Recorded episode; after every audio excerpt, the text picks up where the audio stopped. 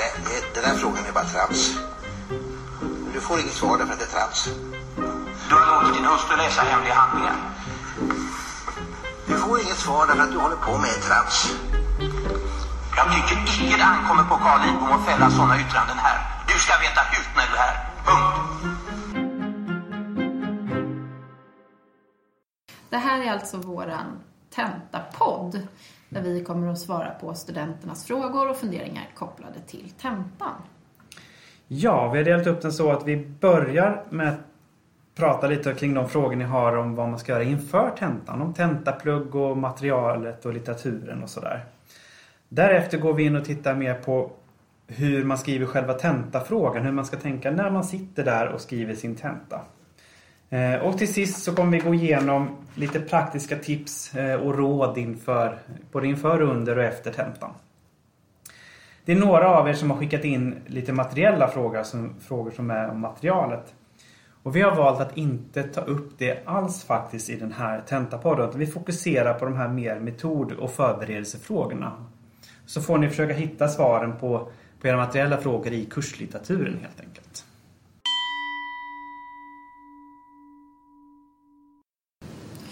För att börja med det här med hur man ska plugga inför tentan så är det faktiskt den vanligaste frågan som vi har fått och formulerad på lika, lite olika sätt. En del frågar efter studietips och tankar inför pluggandet. En del undrar hur man ska dela upp sitt tentaplugg. Var ska man börja? Och vad är det bra att plugga på generellt? Sen så undrar en del hur man ska förbereda sig och hur långt innan man ska börja plugga. Ska man börja en månad innan, två veckor innan, några dagar innan och så vidare. Eh, vi tänkte besvara det lite allmänt, eller hur? Känns det rimligt egentligen att börja med den sista frågan. Eh, Mm, mm. Och det kan man väl säga lite sent. Att man ska börja redan när man börjar terminen att tänka, Mm. att strukturera sina anteckningar och så vidare.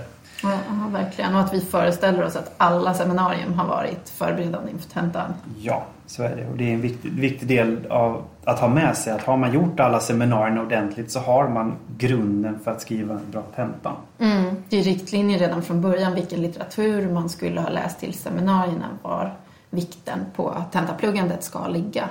Men en annan fråga eh, var ju, jag kan ta den också på en gång, om man ska läsa litteraturen från perm till perm.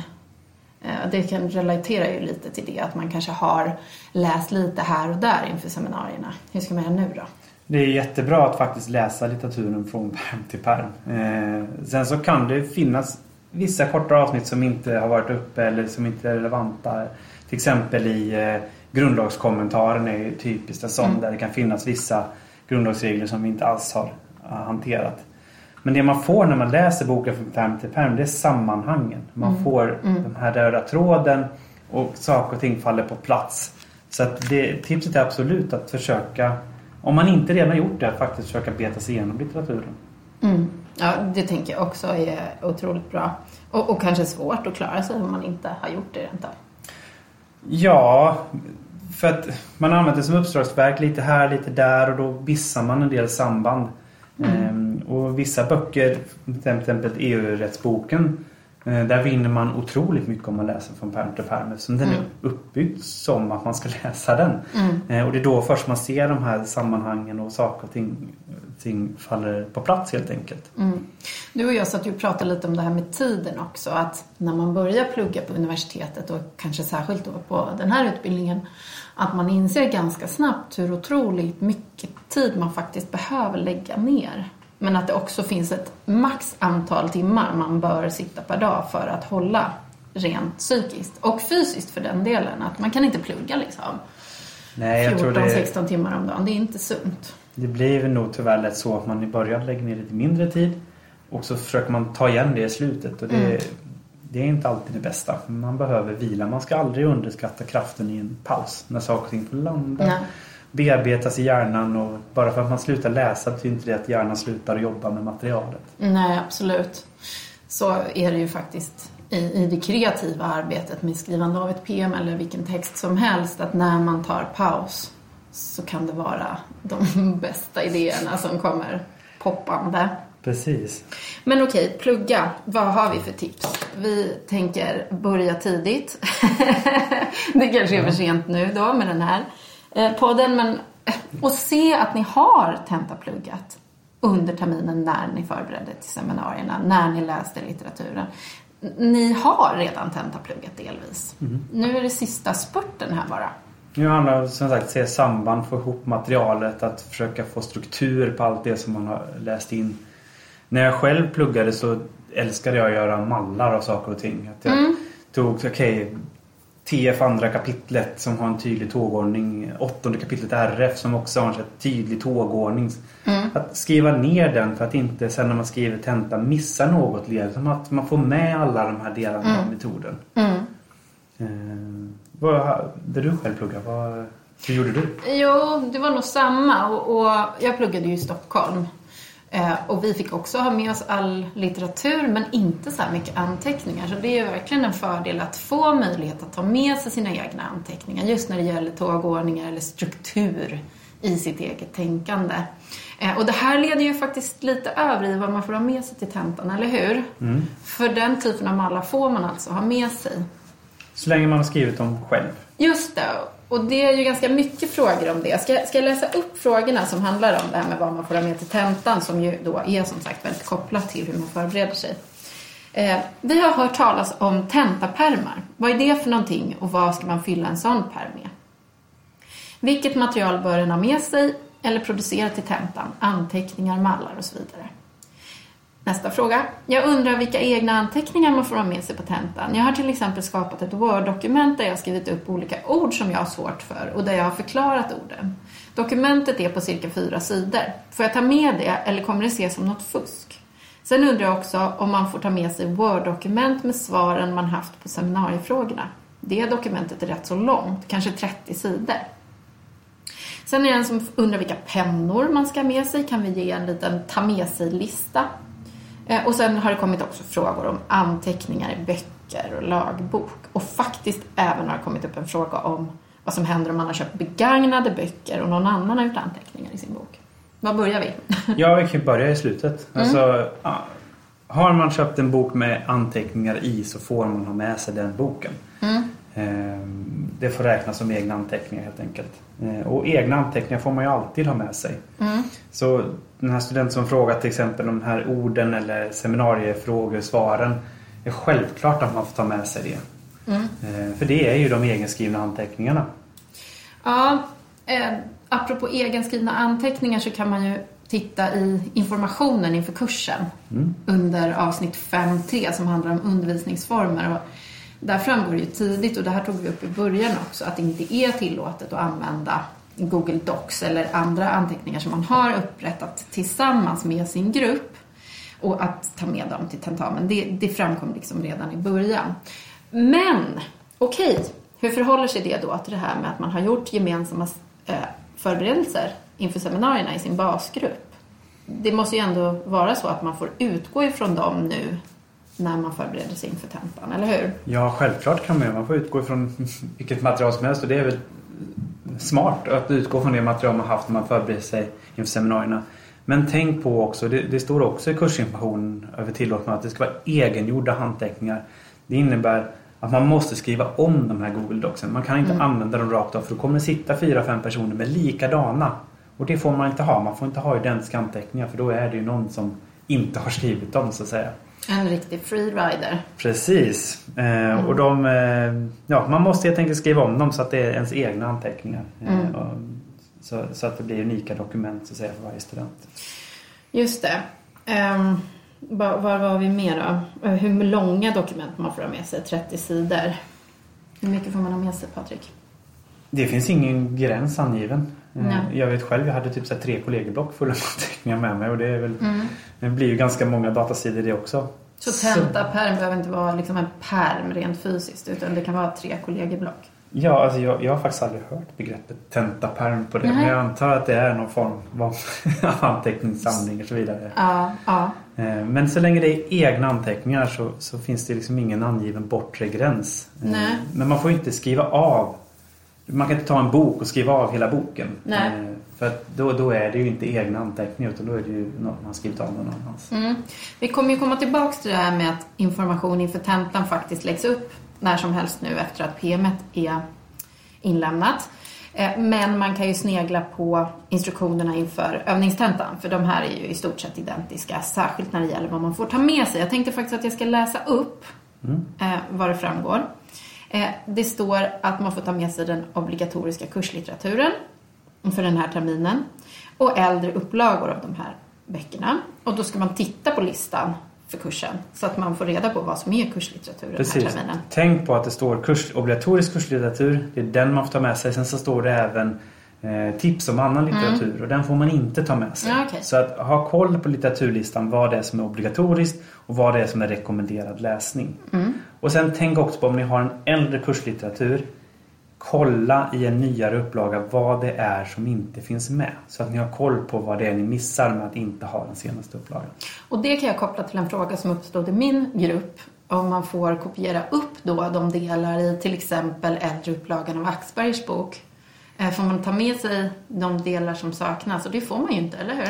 Nej, utgångsläget är ju inte det. Man, man får inte kopiera upp annan litteratur och ta med sig. Eh, då, då kommer det omhändertas av, av amanuensen. Sen är frågan om det kommer dömas som, som fusk att ta med det eller inte. Det kan jag svara på. Men, men, men man får inte ha uppkopierad litteratur med sig. Och det framgår ju då e contrario av den här listan eftersom det inte står det med, eller hur? Ja, precis.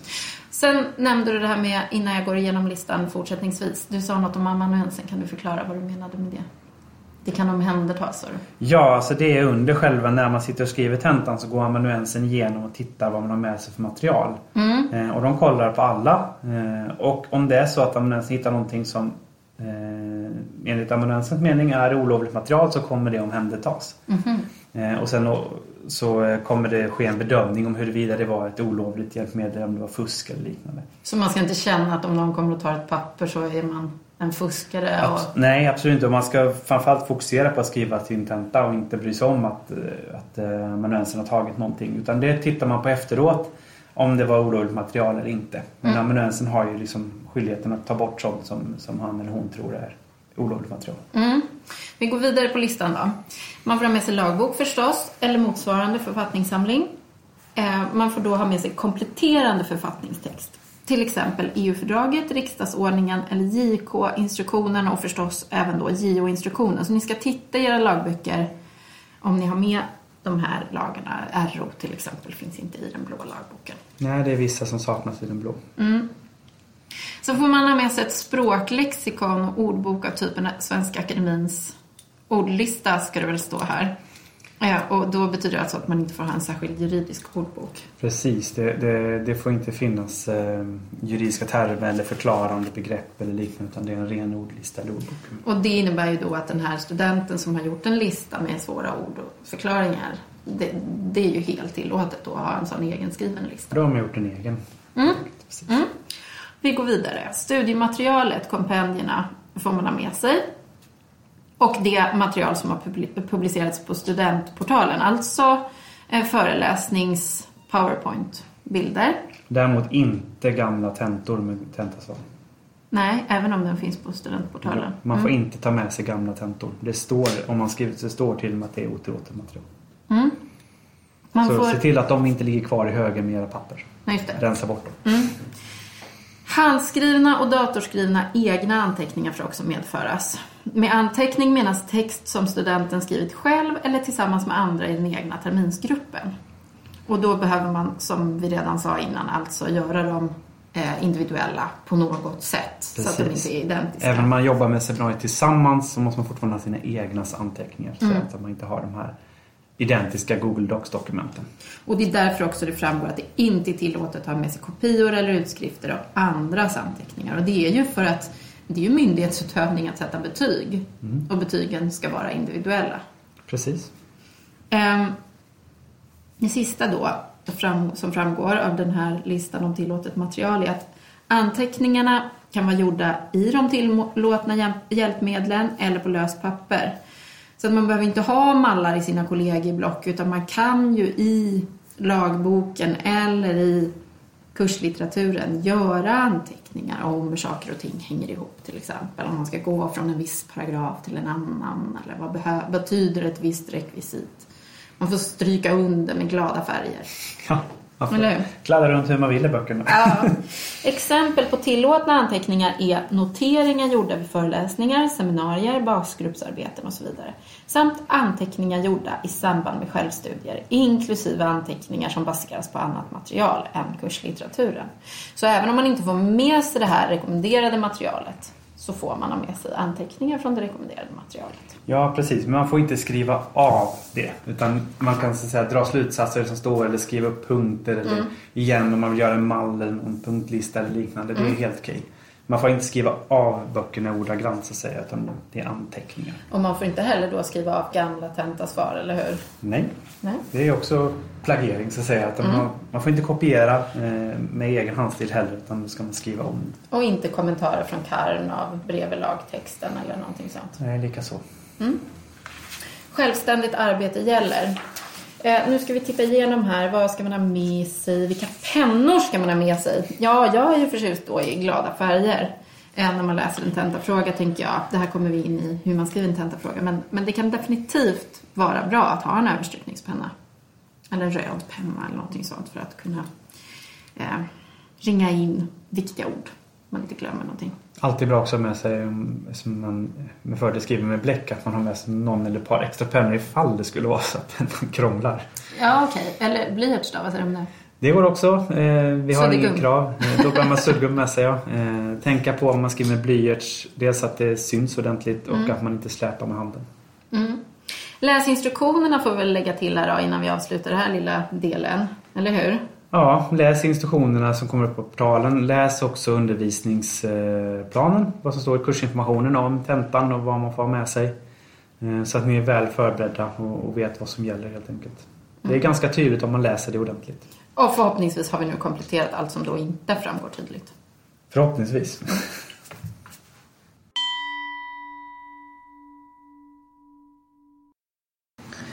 Om vi sen går över lite mer till hur man ska skriva sitt svar, alltså vad man ska tänka på under tiden man sitter där och faktiskt skriver tentan.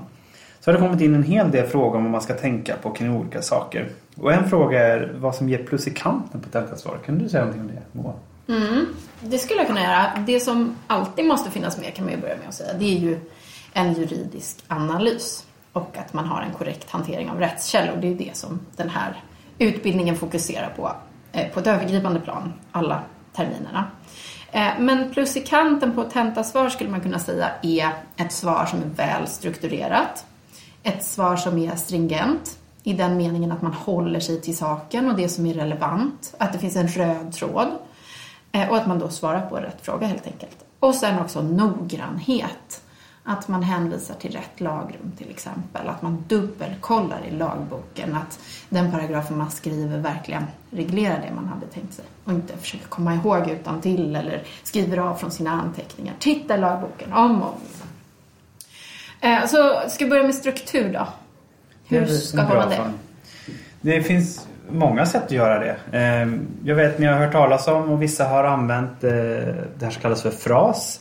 Som en förkortning för fråga, regel, eh, applicera, rekvisit. Och Eh, Och slutsats. slutsats, förlåt. S också. Eh, Och det skiljer sig inte så mycket från hur jag pratade till exempel på introduktionsföreläsningen när jag beskrev den juridiska metoden. Och det handlar om att först identifiera rättsfrågan, alltså F1-frågan. Att visa vad det är som är det juridiska eller rättsliga problemet i den uppgift man har framför sig. Ehm, identifiera gällande rätt, alltså då är ett regeln. Ehm, och det handlar inte bara om att skriva eventuellt användbara lagrum. Utan också att motivera varför ett visst, eh, en viss rättsregel är tillämplig. Till exempel rättighetskapitlet i andra eh, kapitlet. Varför är just den här rättigheten tillämplig på det här problemet? Så då kan man säga att R och A är väldigt tätt sammankopplat. Ja, det blir, de glider ju in i varandra. Mm. För sen så blir A då analysen, att applicera rekvisiten, att, att man tar fram vad är gällande rätt och tillämpar då gällande rätt på den rättsfråga man har tagit fram. Så man kopplar ihop de här rättsreglerna med den fråga som man har och försöker då komma till S, slutsatsen. Och glöm inte att komma till en slutsats också. Eh, vi har fått in en, någon fråga om Måste man ge en slutsats eller kan man lämna öppet att det kan bli olika slutsatser? Mm. Och där är det ju bra. Är det så att beroende på så kan det bli det ena eller det andra så bör man säga det för att visa att man har förstått var den rättsliga knäckfrågan är någonstans. Mm. Men man ska alltid komma till en slutsats att säga att om, det blir, om man gör så här så kan man komma dit men gör man så så kommer man till det här. För det är också en slutsats och då har man också visat att man har förstått grundproblematiken i, i den rättsliga Mm, frågan. Men det måste jag faktiskt lägga till att mina studenter hade uppfattat en del av dina kommentarer som att man alltid var tvungen att komma till ett svar. Att du behöver argumentera i en riktning. Menar du så? Alltså, man måste argumentera för ett Mm. svar. Men sen så kan det ju vara så att, och det har ni ju märkt under hela terminen, att våra frågor inte alltid är glasklara. Det Nej. saknas eh, alltså crucial eh, Omständigheter? Ja, alltså. precis. Men De här avgörande omständigheterna saknas just för att man ska förstå var det tippar. Mm. Till exempel om man gör en proportionalitetsbedömning så beror det på om det är så här, ja då kan det sluta så här, är det så här. Så det hållet. Man måste ju fortfarande argumentera för sin slutsats. Mm.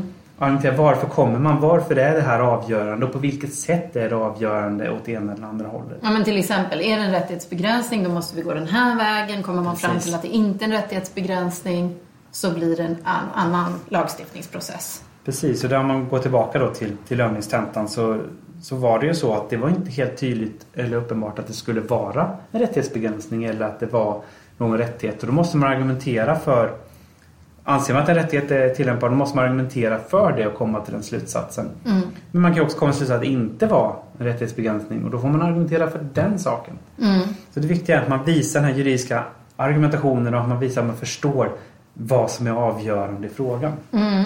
Och det kan vi väl säga generellt om fras. Jag har ju inte använt det särskilt mycket i min gruppundervisning.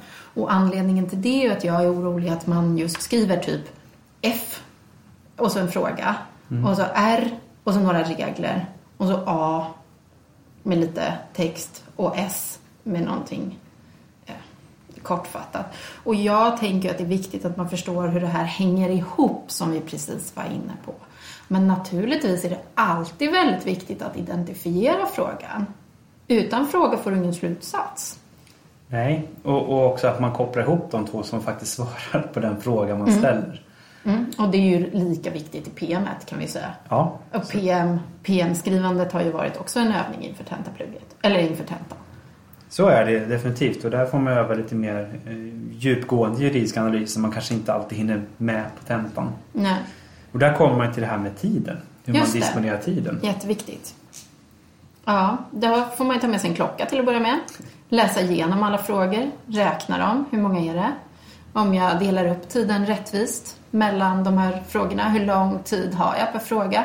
Då är det den tiden man avsätter. För att det finns en stor risk att man lägger massor med tid på första frågan, hinner andra frågan relativt bra, men missar tredje frågan. Och då missar man också väldigt många poäng. Så det här är definitivt ett nybörjarmisstag, att man inte eh, planerar noga. Jag brukar ge tipset att ni har ju fem timmar och det är oftast tre frågor. Mm. En timme per fråga först och sen har du två timmar att gå tillbaka och portionera ut där du vill. Mm. Eh, Och då har du hunnit med alla för det, det är trots allt så att man genom att disponera upp frågan och hitta restfrågorna och så Mm. vidare så plockar man några, om vi ska kalla dem för enkla poäng. Just det. Och de är jättedumt att missa bara för att man inte hann. De lågt hängande frukterna. Precis. Plocka dem till att börja med.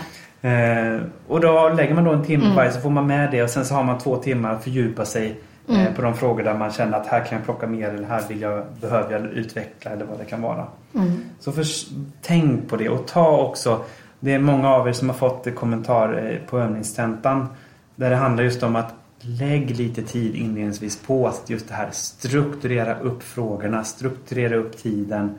Tänk igenom en struktur på era svar innan ni börjar skriva. Det spar ni tid på i slutändan. Ja, jag, jag tänker också så. Innan man börjar skriva så börjar man fundera på vad man får för information av frågan och vad frågan eh, handlar om. Ofta har det ju varit sådana frågor som att kommentera ett konstitutionellt perspektiv, eller hur? Ja. Och då får man ju titta igenom frågan och se vilken typ av omständigheter som anges. Handlar det om ett statsråd? Handlar det om handlingar? Vad handlar det om? Eller hur? Och ganska snabbt identifiera hur många delar finns det i den här frågan. Mm. Så man kan också disponera tiden inom frågan. Så att säga, inte bara Mm. mellan de tre huvudfrågorna. Ja, man kan ju jobba med som en slags innehållsförteckning för sig själv eller en mindmap om man gillar det för att veta hur man ska skriva för att få den här röda tråden och den här strukturen, eller hur? Och då är risken också när man sen skriver. Om man inte gör strukturen och börjar skriva svaret. Så är risken att man missar delar. Eller att man får komma i slutet göra stjärnor och pilar och streckor och rutor som ska in någon annanstans. Och då tappar man just det här med struktur, stringens eh, och liknande. Men man får ju göra så, eller hur? Det är klart man får. Eh, och det förekommer ofta. Och som rättande lärare försöker man så gott det går få pussla ihop det som det ibland kan bli eh, lite pussel. Eh, behöver man göra sådana där så var tydlig med vad som hör till vad. Med eh, siffror eller symboler på något sätt. En slags fotnotsystem nästan. Precis, så att rättande lärare kan koppla ihop rätt tillägg till rätt plats i, i Och texten. där kan man väl vara lite kritisk kanske till att man inte får skriva på dator. Ja, det är en helt annan eh, fråga. Eh, en, det kommer komma vad det lider när man hittat en bra teknisk lösning för det. Ska vi gå vidare till det här med källhänvisningar? För här har vi fått otroligt många frågor. Ja, Hur noggrann behöver en källhänvisningen, en källhänvisning vara på tentan? Och om man tar fakta från RF, fakta från RF är ju en intressant formulering, men en komment- en RF en kommentar. Jaha, var det så det sa? Eh, men vadå fakta? Vad är fakta inom juridiken? Det tycker jag är intressant i största allmänhet. Mm, förlåt, det blev rätt teori av det hela. När en tar fakta från RF en kommentar, behöver en nota eller skriva inom parentes att fakta kommer där? Eller kan en bara skriva på och ha böckerna som stöd? Utveckla lite var gränsen går när man måste vara tydlig. Jämt, aldrig eller ibland. Man ska jämt vara tydlig. Okej, då går vi vidare. Eftersom tentan skrivs för hand, vilket referatsystem ska man då använda? Ska man ha parenteser? Eller hur ska man göra? Det kan man säga, det, det är ju tidspressen som är problematisk på, på Mm. tentamen. Eh, så ah, oftast, det jag föreslår är att man tar parenteser. Mm. För att det är svårt att bygga upp ett fotnotsystem nere i kanten på en tentasvar. Så använd parenteser. Och var så noggrann man möjligt kan. Helst om man tar från doktrinen författarens namn och sida. Eh, Man behöver inte göra en fullständig fotnot med år och, och titel så vidare. Det räcker med författare och sida. Eh, var jättenoggrann när det gäller laghänvisningar. Så man är på rätt ställe i lagboken. Eh, det är också förekommer en hel del att man har lite för bråttom, man skriver en laghänvisning så blir det fel. Så var noggrann med det. Men jag tänker också att det beror på hur man formulerar sig. För om man skriver regeringen fattar beslut som kollektiv och så sätter man eh, lagrummet inom parentes efteråt. Då funkar det. Men om man skriver eftersom regeringen fattar beslut som kollektiv enligt bla bla bla betyder det att statsrådet inte kan fatta det här beslutet på egen hand. Då behöver det inte vara någon parentes utan då blir ju lagrummet angivet i löpande text. Så det, Så. det beror ju lite på hur man formulerar sig. Ja, definitivt när det är laghänvisningar. Däremot doktrinhänvisningar och liknande. Eh, Men det kan man också skriva. Enligt eh, Cameron, sidan 100, ska artikel 8 tolkas så här. Eller RF en kommentar. Ja. Så att var så tydliga ni kan. Försök att ha stöd i käll- rättskällorna. Det är ju fortfarande det som är grundläggande för den juridiska argumentationen. Ja. Så att försök att ha så gott ni kan eh, hänvisa till varifrån ni får era fakta. Precis, och det relaterar ju till den här frågan. Hur ska man tänka när det gäller att källhänvisa till doktrin? Ska man varje gång man påstår något som inte är självklart hänvisa till bok och sida? Ska vi säga svar ja? Egentligen ja. Men sagt, det är bättre att skriva det och inte hänvisa än att inte skriva det alls. Så är det ju. Men har man med hänvisningar till böcker och så vidare, då blir det en bättre juridisk argumentation. För man har stöd i rättskällorna och det stärker upp ens resonemang. Just det, och det här kommer in lite på primärkällor och sekundärkällor. För att här är, det en student som undrar om man på tentan får hänvisa till någonting som en föreläsare har tagit upp på föreläsningen. Eh, och då får man ju istället utgå från det som föreläsaren hänvisade till. Det som är själva primärkällan. Och då kan det uppkomma en fråga om föreläsaren har tagit upp ett rättsfall som man själv inte har läst. Kan man hänvisa till det rättsfallet? Och det är samma sak tydligen i, i RFN Kommentar och i Axbergers bok. Eh, hur, hur hänvisar man till rättsfall som man inte har läst? Jag tänker att det är lite problematiskt. Jag, skulle jag ha skrivit tentan så skulle jag ha skrivit eh, vad rättsfallet heter och sen inom parentes en hänvisning till boken. Jag med. Jag med. Och hänvisa till andrahandskällan helt Ja. enkelt. Mm. För att Så så, man- säga säkra upp sig själv. Att det är Axberger som har tolkat rättsfallets innehåll. Mm. Precis. Jag håller med. Ehm, just det, det var samma en gång till. Slutligen undrar jag hur långt man bör gå i sin utredning av tentafrågan. Det vill säga, finns det vissa paragrafer som of, det finns vissa paragrafer som oftare är tillämpliga än andra. Ska man nämna dessa bara för att grunden till exempel i RF1.1, legalitetsprincipen, fast uppgiften egentligen handlar om RF1.9, nu tycker jag i och för sig att de två hänger ihop tätt, eller något helt annat. Ska man överanvända paragraferna? Så, att ibland, så har det ibland känts på seminarierna att det nämns lagrum som man kanske egentligen inte behöver för att lösa uppgiften. Då, första frågan är vad som man lägger in ordet behöver. Mm. Man ska inte slänga... Man, man ska inte hålla på och slänga sig med RF1.1 för att säga att Sverige är en demokratisk stat och folket beslutar och, allt sånt där ifall det inte är relevant för frågan. Men som du sa med RF1.9 så blir legalitetsprincipen en viktig del av saklighetskravet. Vilket gör att de hänger ihop eh, tajt och en viktig del av varandra även om man inte använder RF1.1. Som man egentligen kanske inte behöver den men det är ändå en viktig del av analysen. Som saklighetskravet är kopplat till, till legalitetsprincipen. Så att man får... Det är lite känsla. Jo, det är ju det. För att när jag tog ett exempel för hur man kan, hur man kan inleda en tentafråga för mina studenter som handlade om att, eh, att förbjuda vissa eh, grupper att organisera sig. Då tyckte jag att de skulle börja med att säga att den fria åsiktsbildningen är central i ett demokratiskt samhälle och yttrandefriheten är grundläggande och så vidare. Så att man kan ju behöva ta avstamp i vissa grundläggande paragrafer för att komma vidare till kärnfrågan. Det tycker jag absolut och det ger, lägger ju fonden också för analysen sen. Att, Mm. att det här är grundläggande, det blir en del av tolkningsdata. Mm. När man ska diskutera begränsningar till exempel så, så blir det svårare att begränsa när man vet att det är en grundläggande del utav, av statsskicket. Så på det sättet så använder man ju faktiskt det sen i analysen. Så att det är inte fel att börja man ska, Nej. inte, man, säger så här, man ska inte svulsta till det i onödan. Men man ska, man, ska- det gör ingenting att, att eh, gå hela vägen. Det är bättre det än att hoppa direkt till undantaget och glömma bort alla steg innan. Ja, å andra sidan tidsplanering, stringens. Säg inte allt man kan om liksom, riksdagens arbete om det inte är det frågan handlar om. Så, Definitivt så. det blir en slags avgränsningsfråga. Där kan man ju ta en, som en övergång här till vi tänkte, vi har fått frågor om vanliga misstag Mm. som görs. Ehm, och jag har ju varit en av de två som har rättat eh, era övningstentor. Mm. Ehm, och ett vanligt misstag som många gör är ett att man skriver av själva frågan. Tänk på att försöka, man ska eh, identifiera rättsfrågorna och säga att det är det här och det här, så här men man behöver inte skriva allting som har hänt. Och heller inte, skriv inte av lagrummen. De har den som rättar tillgång till. Det räcker med hänvisningar och att med analysen lyfter fram de viktiga rekvisiten. Så man behöver inte skriva av hela lagrummet. Nej. Så det är också ett sätt att spara tid. Å andra sidan, nu balans, vi säger emot varandra hela tiden. Jag tror verkligen att det här blir en slags faktiskt en praktisk övning att lära sig skriva tentor, så kan vi väl säga. Men, men man bör ju definitivt inleda som jag sa med att säga den här frågan handlar om, eller hur, möjligheten att begränsa organisationer. Och det är det jag menar med identifiera rättsfrågor. Just det, det är inte att skriva av. Nej. Utan skriva av Det är mer så här att eh, först så gör eh, A så här och sen gör A så här och så gjorde B så här och D gjorde det här och det blev det här som hände. Och utav det här kan vi dra slutsatsen att det här kommer handla om organisations.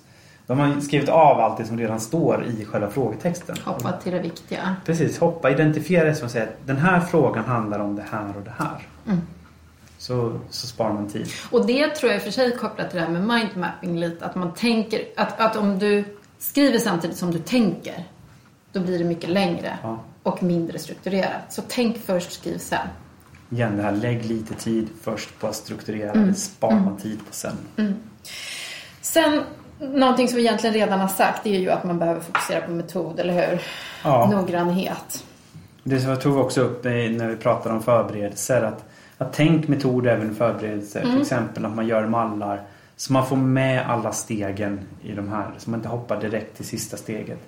Ta åttonde kapitlet som jag också pratat om tidigare. Att man, man går 8-2, 8-3 och så vidare. Att man går de stegen man har. Så man inte direkt går på 8-11. Och, och har missat någonting i de tidiga leden. Eh, tänk metod. Tänk också identifiera rättsfrågan. Identifiera den rätt. Förklara varför det är tillämpligt.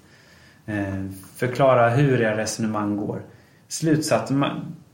Tentafrågorna är så öppna så det finns många olika tänkbara slutsatser och vi rent ja, klarspråk skiter fullständigt i vilka slutsatser ni kommer till. Så länge ni kan argumentera rättsligt för den. Mm. Slutsatsen är inte viktig utan det är argumentationen fram.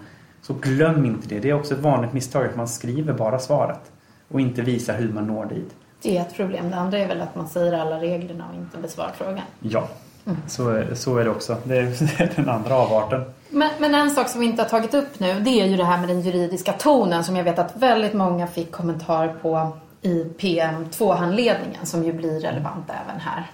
Hur skriver man en juridisk analys? Hur hänvisar man till lagrum? Det är ju också en, en övningsfråga väldigt mycket. Och det är ju, tentan är tidspressad. Det är inte, det är inte PM-krav på det såklart. Men det är bra att öva på att skriva juridisk text och tänka på det i alla sammanhang man skriver juridisk text. För då kommer man också bättre in i det. Man får ett bättre flyt i själva analysen och hur man diskuterar juridik. Hur skulle du säga att man övar upp sitt juridiska skrivande? då? Ja, dels genom att skriva men också genom att läsa. Mm, jag håller med. Jag håller med. Läsa mycket juridisk litteratur. Mm. Och därför övar man ju upp det här allt eftersom man går den här utbildningen. Ja. Ju mer man läser. Där ska man heller inte fuska med att läsa kurslitteraturen. Nej. Utan se Nej, till att exakt. läsa den för att få till er och se sammanhang men också få till er språket. Eh, och en sak som vi kanske inte har sagt någonting om eh, är att när ni pluggar också, tänk att det kan komma olika typer av tentafrågor. Eh, så att ni inte låser in er på en typ. Eh, för det kan också vara en sån sak när man sätter sig där så upptäcker man, oh, men det här, vad är det här för någonting? Mm. Utan det finns ju det som är vanliga, vi kallar för casefrågorna. Eh, som går ut på att lösa ett problem som uppstått eller analysera ett problem. Sen så finns det ju även då som var förra terminen att det var ett rättsfall, en rättsfallsanalys. Man får ett rättsfall så ska man göra en analys av det. Och så finns det en tredje sorten som är lite mer man kallar för isärfråga. Där man får mer, eh, ja, gör en kritisk analys av lagrådets roll eller liknande. Förklara skillnaden då. Ja, att i ett casefall då handlar det om att då är det fokus på ett visst problem. Att se hur- vad har hänt här? Vad betyder det? Vilka rättsregler är inkluderade? Medan en särfråga handlar mer om en mer allmän diskussion där man analyserar och värderar till exempel ett institut eller ett visst fenomen inom rätten. Typ problematisera. Ja, det blir lite mer som ett PM snarare än som ett seminariecase. Och ni har ju haft den typen av frågor även på seminarierna så på det sättet är det ingen nyhet. Ni har fått utvärdera lagrådets roll eller eh, titta på förhållandet mellan EU-rätten och, och, och svensk rätt eller liknande. Men det kan man vara beredd på det just också så att det inte det blir stressmoment att det kommer "Åh, Jag har inte alls tänkt att den här typen av fråga kan komma utan lås er inte vid en typ. Det kan komma lite olika typer helt enkelt.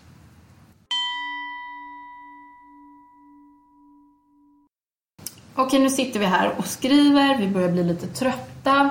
Vad ska vi äta? Vad tycker du? Ja, man ska, man ska ha med sig saker som är snabbsocker såklart. Snabb energi eh, på olika sätt. Eh, Inte mat som man blir trött av. Inte för mustig, mastig mat. Man ska inte sitta och äta pizza. Eh, Har någon det, haft med sig det någon gång? det har hänt. Jag har varit på en tenta där det satt någon som hade en stor pizza som luktade hela, hela tentasalen. Och inte köttfärssås och spagetti och den typen av mat heller, tänker du? Nej, utan lätt snabb energi. Eh, Bananer? Bananer. Eh, Olika typer av frukter, tänker jag också. Dextrosol är en klassiker. Eh, Men- jag tänker att man behöver en liten macka också. Ja, det ser jag också. Någonting lite mer matfyllande. Och är man kaffeberoende som jag så behöver man ju kanske en liten kaffetermos också. Precis, så det finns ju toaletter också. Ja, men, men, men Dextrosol så vet jag att du kommenterade också. Ja, jag, min första tenta så åt jag alldeles för mycket Dextrosol. Och det kan jag inte heller rekommendera. Vad händer då? Eh, Då blir man lite, eller jag i alla fall, kunde inte fokusera blicken. Så jag kunde inte läsa, jag fick sitta och ta det lugnt i 5-10 minuter. Eh, Och komma tillbaka på banan igen. Överdos. Överdos Dextroson. Men kanske också mat som på något sätt visar hänsyn för andra. inte ägg, inte... Inte kanske- chipspåse. Nej. Som prasslar och har sig. Nej, jag tänker också man får tänka på det viset. Det vanligaste är ju att man tar med sig frukt, eh, choklad, alltså godis Mm. eh, som ger snabb energi eh, och eh, mackor och liknande Mm. som inte luktar för mycket. Dryck, vatten. Ja, Bra. oh ja. Ehm, jag tror det där var det praktiska. Du berättade också att amanuensen kommer gå runt och titta på allas anteckningar. Ja, det kan man ju tänka på det att oavsett vad som händer under tentan så har man alltid rätt att skriva klart tentan. Eh, Så fokusera på det. När amanuensen går runt och börjar bläddra i, i papper och sånt där så bry er inte om det helt enkelt. Det, det görs hos alla så att det är bara att försöka stänga av det. Och för att inte hamna i en stresssituation innan så är det någonting som ni är tveksamma på. Får jag med det eller får jag inte ha med det? Stäm av med amanuensen innan tentan börjar. Mm, det låter jättebra. Better safe than sorry helt enkelt. Eh, och sen så även om det är så att amanuensen tar någonting, ifall amanuensen bedömer någonting som eh, olovligt eh, så betyder inte det i sig att, att, ni inte, att ni kommer bli diskade eller liknande. Eller, det sker en bedömning efteråt om ni haft hjälp eller inte haft hjälp av det materialet. Så igen, fortsätt bara skriva tentan och blocka det som amanuensen gör. Ehm, om man tänker att man ska blanka, det vill säga inte lämna in något svar överhuvudtaget, så behöver man ju sitta kvar en stund. Men det här framgår alltså av den informationen, den praktiska informationen som kommer att komma på hemsidan. Och där finns det ju väldigt mycket matnyttig praktisk information som Camilla snart lägger upp. Mycket av det vi har sagt idag kommer ju där också. Så läs den noga, noga. Ja, men det är ju det här med att slarva med att läsa instruktioner som vi upptäcker faktiskt. Det finns mycket svar i skrift som många studenter har missat. Fler lite så här tråkiga frågor, eller vad vi ska kalla dem, när man känner sig orolig. Vad händer om man inte kan komma på tentadagen? Jo, då får man chans till omtenta. Vad händer om man inte klarar tentan? Då får man komma på omtenta. Ja. Nästa tillfälle i maj och juni och sen kommer en till omtenta i augusti. Men Patrik, hur många gånger får man göra omtenta? Ja, det, egentligen finns det väl ingen bortre gräns upp sig. Ehm, men om man missar, jag blir osäker om det är tre eller fem gånger, så har man rätt till en annan tentaform. Oj! Det finns, det finns något som heter Studenternas rättigheter som kåren publicerar. Där kan man kika. Där står det nämligen det. Har man missat en tenta ett visst antal gånger så har man rätt till en annan tentaform. Till exempel munta eller liknande.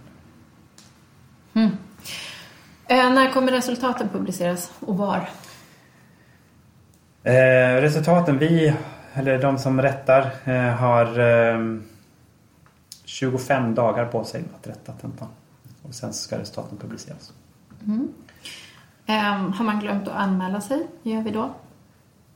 Eh, kontakta Camilla. Så eh, gör hon allt hon kan för att lösa det problemet om det skulle vara så. Du, i min grupp och i alla grupper jag har träffat hittills så finns det ganska mycket oro faktiskt. Att man inte har förstått, att man, eh, att man inte vet vad som förväntas av en och att stressen tar ganska mycket energi faktiskt när man sitter och ska förbereda sig. Det är tyvärr så. Det är inte någonting nytt heller utan så har det varit en lång tid på juristprogrammet. Eh, och det finns också ja, en oro för betyg och, och liknande som kommer väldigt tidigt. Eh, och det är en sak som man säger är att har man gjort seminarierna ordentligt under hela terminen då, då kan jag nästan lova att man klarar tentan. Eh, för det är basen för, för tentan. Så har man gjort allting ordentligt vägen fram så har man lagt grunden för en, ett gott resultat. Jag tänker här att det kan vara liksom positivt för en själv att uppmärksamma sin egen kunskapsutveckling. Att till exempel titta på din introduktionsföreläsning och Carl Fredriks introduktionsföreläsningsbilder. De ligger ju på studentportalen. För jag kan tänka mig att många vid det tillfället inte förstod särskilt mycket av ert lingo. Men att mycket av det som framstår, eller som framgår där nu känns extremt basic. Ja, det känns väldigt självklart. Och även titta på sina egna anteckningar från de första seminarierna och jämföra dem med de sista. Man just fattar hur mycket man faktiskt har lärt sig under den här terminen. För ni, utvecklingen under T1 kommer ni inte vara i närheten av sen utan det är en enorm utvecklingskurva i T1. Det är första gången som jag undervisar på den här kursen. Jag har ju aldrig följt en grupp på det här sättet. Jag tycker att det är helt fantastiskt. Jag är så imponerad av studenternas förmåga att resonera och hitta relevanta rättsfrågor men också rättsregler och så. Så att jag är jätteimponerad. Ni, ni behöver inte ha så mycket stress. För det är ju tyvärr så med stress att det kan blockera. Ja, och ingenting är bättre än goda förberedelser eh, för att lugna stressen. Eh, att Men- man pluggar ordentligt. Man inte väntar till sista kvällen innan man tar sig igenom materialet. utan Man tar det lugnt och metodiskt. Man jobbar lite varje dag. Eh, så att man tar sig igenom materialet. Då lägger man grunden, minskar möjligheten till, till stress. Och inte heller att försöka hitta genvägar. Eh, jag vet att det förekommer då och då studenter som säger att ja men nu har det varit den här typen av frågor så den kommer inte komma i år. Ja, det. man, man väljer att taktikplugga åt ena eller andra hållet. Eh, och det är eh, bara dumt för att det finns inget sånt mönster att hitta för att det beror på vilka lärare det som utses att rätta tentan. Och de tittar inte på vad som har varit tidigare år utan de går utifrån vad de själva vill ställa för frågor och utifrån en fördelning på vilka ämnen som ska vara så blir det olika frågor. Så det, det går inte att hitta mönster hur gärna ni än vill. Så inga genvägar. Nej. Så vill jag säga något mer om stress faktiskt. Jag tänker att det finns två sorters stress. Den ena är liksom någon slags normalgraden av stress där det kan räcka med att fira lite jul med familjen, ta det lite lugnt, glömma bort plugget, göra roliga saker, ta en promenad, träffa en kompis, sova ordentligt på nätterna. Men sen finns det en annan nivå av stress och ångest och utmattning där man faktiskt ska kontakta studenthälsan tycker jag. Det, det får vi inte normalisera på den här utbildningen. Så dåligt ska man inte må utan det får man betrakta som sjukdom och ta kontakt med läkare helt enkelt. Um, sov, sov inför tentan skulle jag säga. Och inte sitta och, och plugga 20 timmar om dygnet. Nej. Tänk det som ett, som ett arbete. Man sitter åtta timmar. Eh, Okej, att man inför tentaplugg sitter någon timme till men man behöver också vila. Mm. Inte underskatta kraften i en, i en paus. För det är inte så att hjärnan slutar jobba bara för att ni slutar att läsa. Utan man, saker och ting hamnar på plats och, och, och lugnar ner sig. Mm. Jag brukar också ge tips att inte sitta och plugga kvällen före tentan. Vad ska man göra då? Ta det lugnt. För då får allting landa. Så att gärna få chansen att bearbeta. Nu sitter studenterna hemma och skrattar åt dig. Jag tycker jag är rätt säker på. Men jag håller med om det går, om ni orkar strunta i det så tror jag också att det är bra faktiskt. Det gör också att hjärnan hinner lugna ner sig innan ni går och lägger er och sover. Vilket gör att ni sover bättre inför tentan. Och det är också värt mycket. Du, då vill jag säga en sak till. Jag skrev ju min avhandling om psykiatrirätt. Eh, och jag, min eh, brasklapp höll jag på att säga, min, den, den grejen jag kör med stenhårt det är ju att det inte är någon skillnad på eh, psykiatri och somatik. Alltså det finns ingenting annat än kroppen. Nu pratar du om hjärnan. Vi pratar om så här, man är psykiskt svag eller stressen är liksom Oh, att man inte klarar pressen, att det är någon slags psykiatrisk problematik. Men det är hjärnan som inte pallar. Och det är så många människor som, in, alltså, som får problem faktiskt med sin hjärna och inte kan fokusera och som blir utmattade. Så se det som en hjärnfråga. Ni behöver ta hand om er hjärna för att orka. Och då vill jag säga en sak till, för häromdagen var det superhalt och jag såg jättemånga ramla med cykeln. Ha hjälm också inför tentan. Precis. Så att ni kommer dit. Ja. ja, och med, med det så vill vi tacka för en eh, trevlig termin. Och tacka för att ni har lyssnat på oss den här terminen. Mm, det var väldigt roligt att göra podd. Ja. Eh, som sagt, kom gärna med synpunkter om hur vi kan förbättra den här inför kommande terminer. Hoppas vi fick med allt om tentan. Ta det lugnt i tentapluggandet. Ha en god jul och gott nytt år. Mm, lycka till med tentan och god jul och gott nytt år på er.